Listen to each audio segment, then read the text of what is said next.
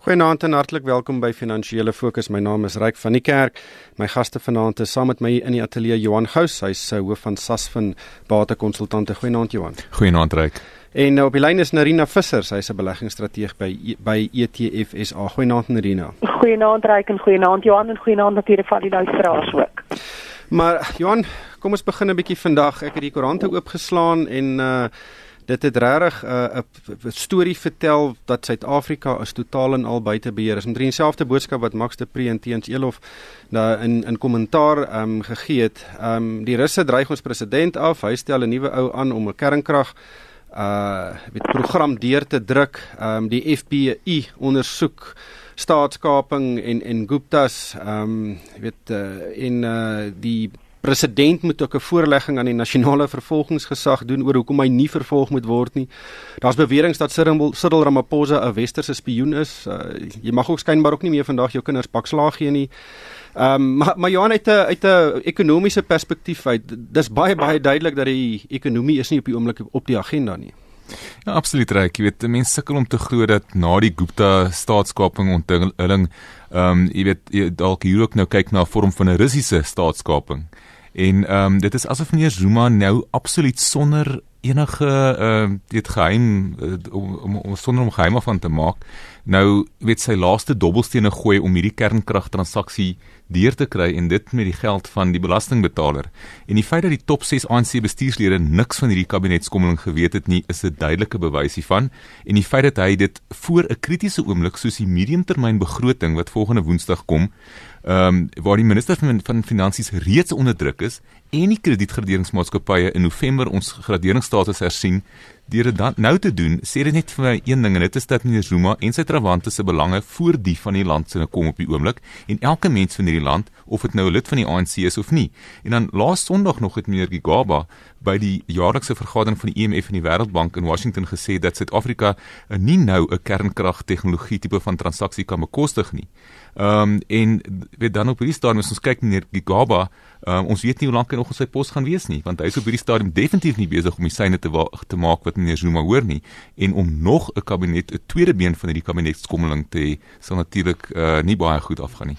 Ja, ons is nogal goed om nuwe finansministers te kry. Uh, in Arena, hoe lees jy hierdie hele affære? Alright, dit is my baie duidelik dat die onlangse kabinetskommelinge wat ons gesien het definitief niks te doen het met beter diensverskaffing of beter ehm um, funksionering van ons staatsdiens nie en alles te doen het met politieke um, bewegings. Dit was my asof president Zuma baie duidelik die boodskap wou laat deurkom vir die wat die boodskap moet hoor dat ehm um, ek is steeds in beheer. Ek sal besluit of jy môre werk het of nie en ek sal besluit wie sit ek in watter posisie. Ehm um, en, en en dit is duidelik vir my die boodskap wat daardeur gekom het het. Ek dink die twee sterkstes wat na vore gekom het was uit die aard van die saak die feit dat ehm um, David Msobo aangestel is as die nuwe minister van energie. Ehm um, ek dink nie dit is noodwendig net rondom 'n kernkragtransaksie nie. Miskien is ek nog so 'n bietjie optimisties of naïef dat ek wil glo dat hulle daarom sekerlik tog nie so so blaatant sal wees nie, maar daar is heelwat ander ehm um, belange ook wat die Russe het in terme van ander energietransaksies of dit nou ehm um, um, gas of skaliegas dalk selfs is, jy weet daar is baie ander transaksies transaksies ook wat hy nog steeds ook vir die vir die russe met die die die dobbelsinkies reg kan laat val. En dan natuurlik die ander baie belangrike ene is die afdanking van minister um, Blyde in Zimandi en jy weet mense kan nou maklik sê uh, of kritiek um, na sy kant toe wys in terme van wat die afgelope paar jaar in in hoër onderwys gebeur het, maar die feit bly staan dat hierdie 'n duidelike klap in die gesig was van die van die alliansie en dat die kommunistiese party nie gelukkig is hiermee nie, die weet ons reeds. Maar terselfdertyd mm. ook het hulle nog nie regtig iets daaromtrent gedoen nie. So dis amper asof hy so 'n bietjie skaakmat met hulle wil speel en sê, weet jy, kom ons kyk hoe ver kan ek julle druk voordat julle nou regtig gaan opstaan en aksie gaan neem. Ehm um, want op hierdie stadium bly dit maar net leewoorde van die res van die alliansie se kant af. Maar Johan, wat beteken dit vir ons ekonomie? Gaan ons nou maar net voortploeter soos wat ons nou tans uh voort uh voortploeter uh, want daar gebeur op die oomblik baie baie min in ons ekonomie. Ons kyk hier van miskien 'n halwe persentasiepunt rondom 0%. Uh verwag jy enige iets meer as dit? Ryk, dis die probleem. Hierdie al hierdie tipe van goed wat nou besig is om uit te speel, al hierdie interne fokus van die ANC maak dat daar geen werklike besluite geneem kan word nie. En dit is hoekom elke keer as hierdie kabinetskommelinge kom, dan is pres, dit presies wat die kredietgraderingsmaatskappye nie wou sien nie, want hulle besef dan dat daar gaan geen momentum gebou kan word nie. Daar gaan nie 'n samehorigheid wees wat gaan help dat ons die regte besluite neem om hierdie ekonomie weer aan die gang te kry op 'n volhoubare basis sodat ons ons fiskale probleem kan oplos en ook kwessies soos werkloosheid wat baie sosiale onrus veroorsaak nie. Maar Nerina, ondanks al hierdie uh, dinge is ons beurs op 'n rekord hoogtepunt. Beleggers uh, kan glimlag. Hoe bring jy hierdie politieke onsekerheid by uh, hierdie uitstekende prestasie van die aandelebeurs? Ek ek dink ons kan baie gelukkig wees oor die stand van van die wêreld se ekonomie en die wêreld se beurse ook op hierdie stadium. En ek dink op hierdie stadium is ons nog baie gelukkig dat ons aan die ontvang kan staan van van definitiewe kapitaalvloei na ontleikende markte toe. Ehm um, ons kry dalk heelwat minder as wat ons onder meer eh, beter omstandighede in Suid-Afrika sou gekry het, maar die feit bly staan dat ons definitief aan die ontvang kan daarvan staan en ek dink dit is hoekom die hoekom die rand nog ten spyte van alles wat ons wat ons ehm um, doen hier in die land nog steeds relatief sterk is. Die feit is dan dat die wêreld se ekonomiese groei syfers lyk baie beter. Die IMF vir die afgelope week weer verdere opwaartse aanpassings gemaak op daardie verwagtinge rondom ekonomiese groei en hulle het dit gedoen vir vir Amerika, vir China en vir Europa, drie wêreldreëse wat wêreldekonomie aanbetref. En teen daardie agtergrond van wêreldekonomiese groei, dink ek is ons is ons gelukkig dat ons dis die afgelope week um, redelike positiewe ekonomiese syfers plaaslik gesien het in dinge soos kleinhandelsyfers en en 'n paar ander ook. So ek dink wanneer ons dan gaan kyk na die wêreld se aandelebeurse ook nuwe rekordhoogtepunte, nie net vir die Amerikaanse beurse nie, maar 'n hele paar ander ook rondom die wêreld. Toenemend is daar definitief fundamentele basis in in terme van goeie verdienste wat daardie um, nuwe rekordhoogtepunte ondersteun en ek dink in in Suid-Afrika sien ons baie van daardie um, die die die voordeel wat ook na ons kant toe kom. Vir die eerste keer in 'n lang tyd en ek praat nou van meer as 3 jaar um, vind ons nou dat ons plaaslike beurs ook in daardie sywaartse beweging daar uitgebreek het en dat dit ook nie net die groot um, soort van uh, internasionale maatskappye is wat goed vaar op ons beurs nie maar ons het ook die afgelope paar weke begin sien dat ons kleiner aandele op die beurs ook lyk asof hulle nie verder wil wil daal nie asof hulle ook dalk 'n bietjie lewe in hulle begin kry. Hoe volhoubaar dit is sal ons moet sien want op die ou en van die dag gaan dit tog maar afhang van wat in ons plaaslike ekonomie gebeur maar ek dink daar is definitief 'n bietjie 'n bietjie lewe in ons beurs en in ons plaaslike aandele veral danksy wat in die wêreld gebeur. Ek net om daarbey aan te sluit, jy weet aan die begin van die jaar sou niemand vir jou gesê het op hierdie stadium gaan ons kyk na uh, vir die jaar tot datum 'n uh, groei van 17.5% op ons algehele uh, aandele indeks nie. Genoteerde eiendom is 12% op vir die jaar tot datum. Dan in jou buitelandse blootstelling as jy daar uh, blootstelling aan aandele gehad het jy's 18% op in dollar uh, in terme van die wêreldaandelemark. So jy weet iemand wat 'n gebalanseerde portefeulje belê was het eintlik redelik goed gedoen hierdie jaar absoluut teen verwagtinge ten spyte van al die geraas wat ons gesien het Hoe vergelyk dit met uh, groei wat ons in Amerika gesien het? Wel, in Amerika het jy geweldige groei gesien. Ehm um, jy weet jy in Amerika kyk jy na uh, die die soos ons gesien het in die laaste paar weke, hierdie nuwe rekordhoogtepunte wat ons die laaste ehm um, paar weke gesien het week na week. So ehm um, as jy gaan kyk, ek moet nou partykeer gaan kyk hier in dollars, jy gaan kyk in rand. Ehm um, jy weet die rand is eintlik vir die jaar tot datum redelik stabiel gewees teen die teen die dollar. Hy's eintlik so 2% sterker omtrent op hierdie stadium so in dollar rand terme baie dieselfde tipe van effek. Ehm um, maar die feit is dat ehm um, weet jy top 40 aandele spesifiek het 20% groei getoon wat wys hoe die Naspers hierdie gemons nog steeds deurgekom het. Maar soos Nerina gesê het, jy weet daar is hopelik nou meer van ons plaaslike aandele wat meer van hulle plaaslike verdienste in Suid-Afrika verdien wat ook nou gaan begin deurkom met die ekonomie soos hy op hierdie stadium is verwag ek nie vuurwerke uit daardie af, uh, afdeling van die beurs nie.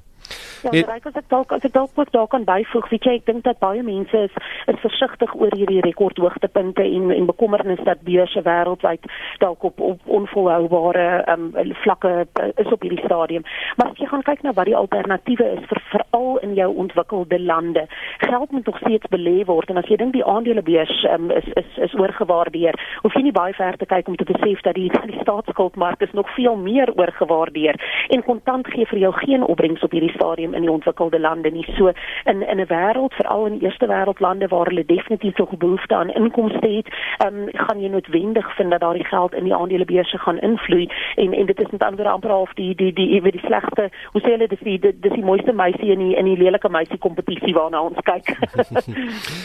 Johan, kom ons gesels 'n bietjie oor die uh mediumtermyn beleidsoorsig wat ons Woensdag gaan hoor. Nou dis natuurlik 'n uh, die mini begroting um soos hy bekend staan en en en die Gigabe gaan vir ons 'n uh, aanduiding gee dat ons oor die volgende wat wat die regering se bestedingsplanne is oor die volgende 3 jaar wat anders is as die groot begroting in die begin van die jaar wat net na 1 jaar kyk. Ehm um, weet ons het nou hierdie groot uh, skynbare kernkragwolk wat oor ons hang. Ehm um, verwag jy wat verwag jy van hierdie oorsig en dink jy dalk die woord kernkrag kan dalk verskyn daarin? Daai gaan 'n baie kritiese een wees ryk in in die huidige konteks wat ons nou hierdie laaste paar dae gehoor het. Ehm um, ek dink as jy dink uh, aan aan meneer Pravin Gordhan wat in Februarie sy laaste begrotingsrede gegee het. Hy was reeds onder geweldige druk geweest om hierdie fiskale situasie waarin ons is 'n positiewe sein daaroor te kan stuur aan die kredietgraderingsmaatskappye. Nou sit ons met 'n ekonomie wat geensins verbeter het nie. Jy sit met twee kabinetskommelinge ehm um, en hierdie hele Gupta skandaal uh, ensovoorts en ehm um, jy moet begin wonder hoe gaan hy wat is die boodskap wat hy gaan lewer? Want aan die inkomste kant lyk dit of ons omtrent 40 miljard rand onder die begroting gaan inkom aan die inkomste kant. So waar gaan jy alternatiewe inkomste kry? Daar's baie beperkte alternatiewe. Waar op hierdie stadium van gepraat word is 'n moontlike welvaartsbelasting wat kan inkom. Daar dan kan jy ook na die uh, verbreding van die um, ehm, BTW basis kyk deur byvoorbeeld jou brandstof te begin belas met BTW en dit kan omtrent so 18 miljard rand uh, addisioneel inbring en dan moet jy begin dink aan die kwessies soos om dan net BTW op sigself daardie koers te lig of dalk van jou staatsbeheerde organisasies te ver, begin verkoop en ek dink op hierdie stadium is dit nie eintlik regtig 'n opsie nie. So ek dink as ons gaan praat oor wat se uitgawes daar gaan wees, kom ons begin net eers by wat is die inkomste wat ons gaan hê en die die die ergste scenario wat ons kan hê is dat ons gaan nog groter skuld natuurlik moet aangaan as 'n regering omdat ons 'n tekort het op die op die begroting en dat as ons 'n kredietafgradering kry, gaan ons nog meer moet betaal ook vir daai skuld en dit is wat 'n mens nie kan bekostig nie en daarom is hierdie krediet of hierdie kabinetskommelinge en al die ander goed wat daarmee saamgaan op hierdie stadium is nie wat ons nodig het nie. Narina, wat verwag jy? Ek moet sê dat ek sien heeltemal met Johan saam dat ek dink aan die aan die inkomste kant is daar nie vreeslik baie wat daar gedoen kan word nie en ek vermoed dat hy dalk 'n bietjie optimisties te werk sal gaan met sy ehm um, verwagtinge rondom ehm um, groei sowel as inkomste om om 'n klein bietjie tyd te koop wat die krediet ehm um, graderingsmaatskappye betref. So ek dink hy gaan 'n baie goeie storie probeer praat. Ek dink nie ons gaan noodwendig die die aksie daarmee saam sien nie en ek dink hy gaan probeer om seker te maak dat hy nie die boot nou skommel nie en dat ons minstens net um, nog grasie gaan kry tot na die ANC kon se se verkiesingskonferensie in Desember. So dit is soort van my oor oorhoofse verwagting. Ek dink nie hy gaan enigiets opspraakwekkend doen wat nou nou um, die die die boentjie boetjie sal laat laat hy nie. Ek sou baie graag wou sien dat hy baie meer aan die aan die uitgawe kant um, uh, aandag gee en veral daar natuurlik is daar 'n paar ek wou amper maklike dinge wat hy kan doen om die uitgawe kant heel wat beter te lyk en dit gaan natuurlik tesame met ons staatsinstansies. Jy weet, um, as jy jy kyk net na die hoeveelheid geld wat Israel ons nog weer gaan kos en jy kyk na die na die uitgawe kant rondom dinge soos Eskom en en en die soort van dinge, dan is daar eintlik 'n paar dinge wat redelik maklik is om te doen wat wat die prentjie heel wat anders kan dat lyk. Verwag ek dat hy dit gaan doen? Ongelukkig nie. Dit is nie die tyd vir hom om dit te doen ongelukkig nie, maar ek dink nie dat ons onsself in 'n onoorkomelike situasie bevind nie. Daar moet net die politieke wil wees hmm. om die regte dinge aan te spreek, dan kan ons hierdie ding wel omgedraai kry. Ryk het meneer Gigaba het nog altyd probeer om so in die middel van die pad te speel, maar ek dink hierdie kernkrag kwessie gaan maak dat hy een of ander kant moet gaan. So die vraag is, gaan meneer Gigaba Woensdag speel vir selfonderhoud of gaan hy die land se belange eerste stel en probeer om kredietwaardigheid terug te kry? Ja, ek dink uh, weet as dit 'n huis as Suid-Afrika 'n huishouding was, dan met almal bymekaar kom en jy met daai beld intrek want die land kan nie op die huidige traject voortgaan nie en en en hopelik hopelik besef hy dit. Ehm um, maar Johan, ehm um, nog 'n groot storie hier van hierdie week wat ek nie dink ehm um, die die aandag gekry het wat dit verdien het nie, veral omdat ons nou hierdie groot politieke nuus gehad het nie, is hierdie 30 miljoen ehm um, Suid-Afrikaners wie se persoonlike inligting op die internet uitgelek het. Ehm um, en dis waardevolle persoonlike inligting, ID-nommers, uh, inkomste vlakke of mense eiendom besit of nie of hulle direkteure is, hulle werkgeskiedenis En en dis blykbaar iewers in die internet, dis nog nie algemeen beskikbaar nie, maar dit lyk asof die persoon wat dit gesteel het dit probeer verkoop. Wat maak jy hiervan? Ja, Rek, ek dink dis altyd die gevaar en ehm um, jy weet op hierdie stadium as 'n mens gaan kyk na na daardie tipe van inligting kan uh, op so 'n verkeerde manier aangewend word en dit kan soveel skade veroorsaak en wie op die einde van die dag gaan pa staan daarvoor. Jy weet, ehm um, ek en ek dink dit is maar net weer eens eh, 'n uh, bietjie van 'n wekroep om te sê, jy weet, wees baie versigtig met hoe jy met jou jou tegnologie jou inligting uh, te werk gaan wanneer dit kom by tegnologie vandag. Maar dis 31 miljoen ID-nommers byvoorbeeld. Nou daar is 55 miljoen mense in Suid-Afrika. Dit is meer as die helfte. Nerina nommer 1, waar kry hulle hierdie hierdie inligting en en en en ek dink hoe bekommerd moet mense wees want ek dink meeste weet volwassenes kan ten minste aanneem jou data is deel van daai van daai name en daai inligting wat uitgelek het. Ja, ek dink die kanse is baie goed. Ehm um, en en reg dalk is hierdie een van daardie um, neeweffekte van regulasies soos byvoorbeeld FICA wat vereis dat hierdie tipe van persoonlike inligting van jou by elke enkele finansiële instansie met wie jy dalk eers te doen het, hulle moet rekord hê van hierdie van hierdie persoonlike inligting van jou. So soveel soos wat regulasies na die globale finansiële krisis in 2008 sogenaamd ontwerp is om mense te probeer beveilig, dink ek is daar dalk hierdie onverwagse neeweffekte projekte wat wat wat ons nou mee te doen kry. Want daar is definitief baie meer plekke waar mense persoonlike inligting beskikbaar is gestoor word en ehm um, ja dit is veronderstel om in veilige bewaring te wees. Maar soos ons nou duidelik sien as daar eers een deurbraak is beteken dit jou inligting is glad nie so veilig soos wat jy jy dit graag sou wou gehad het nie.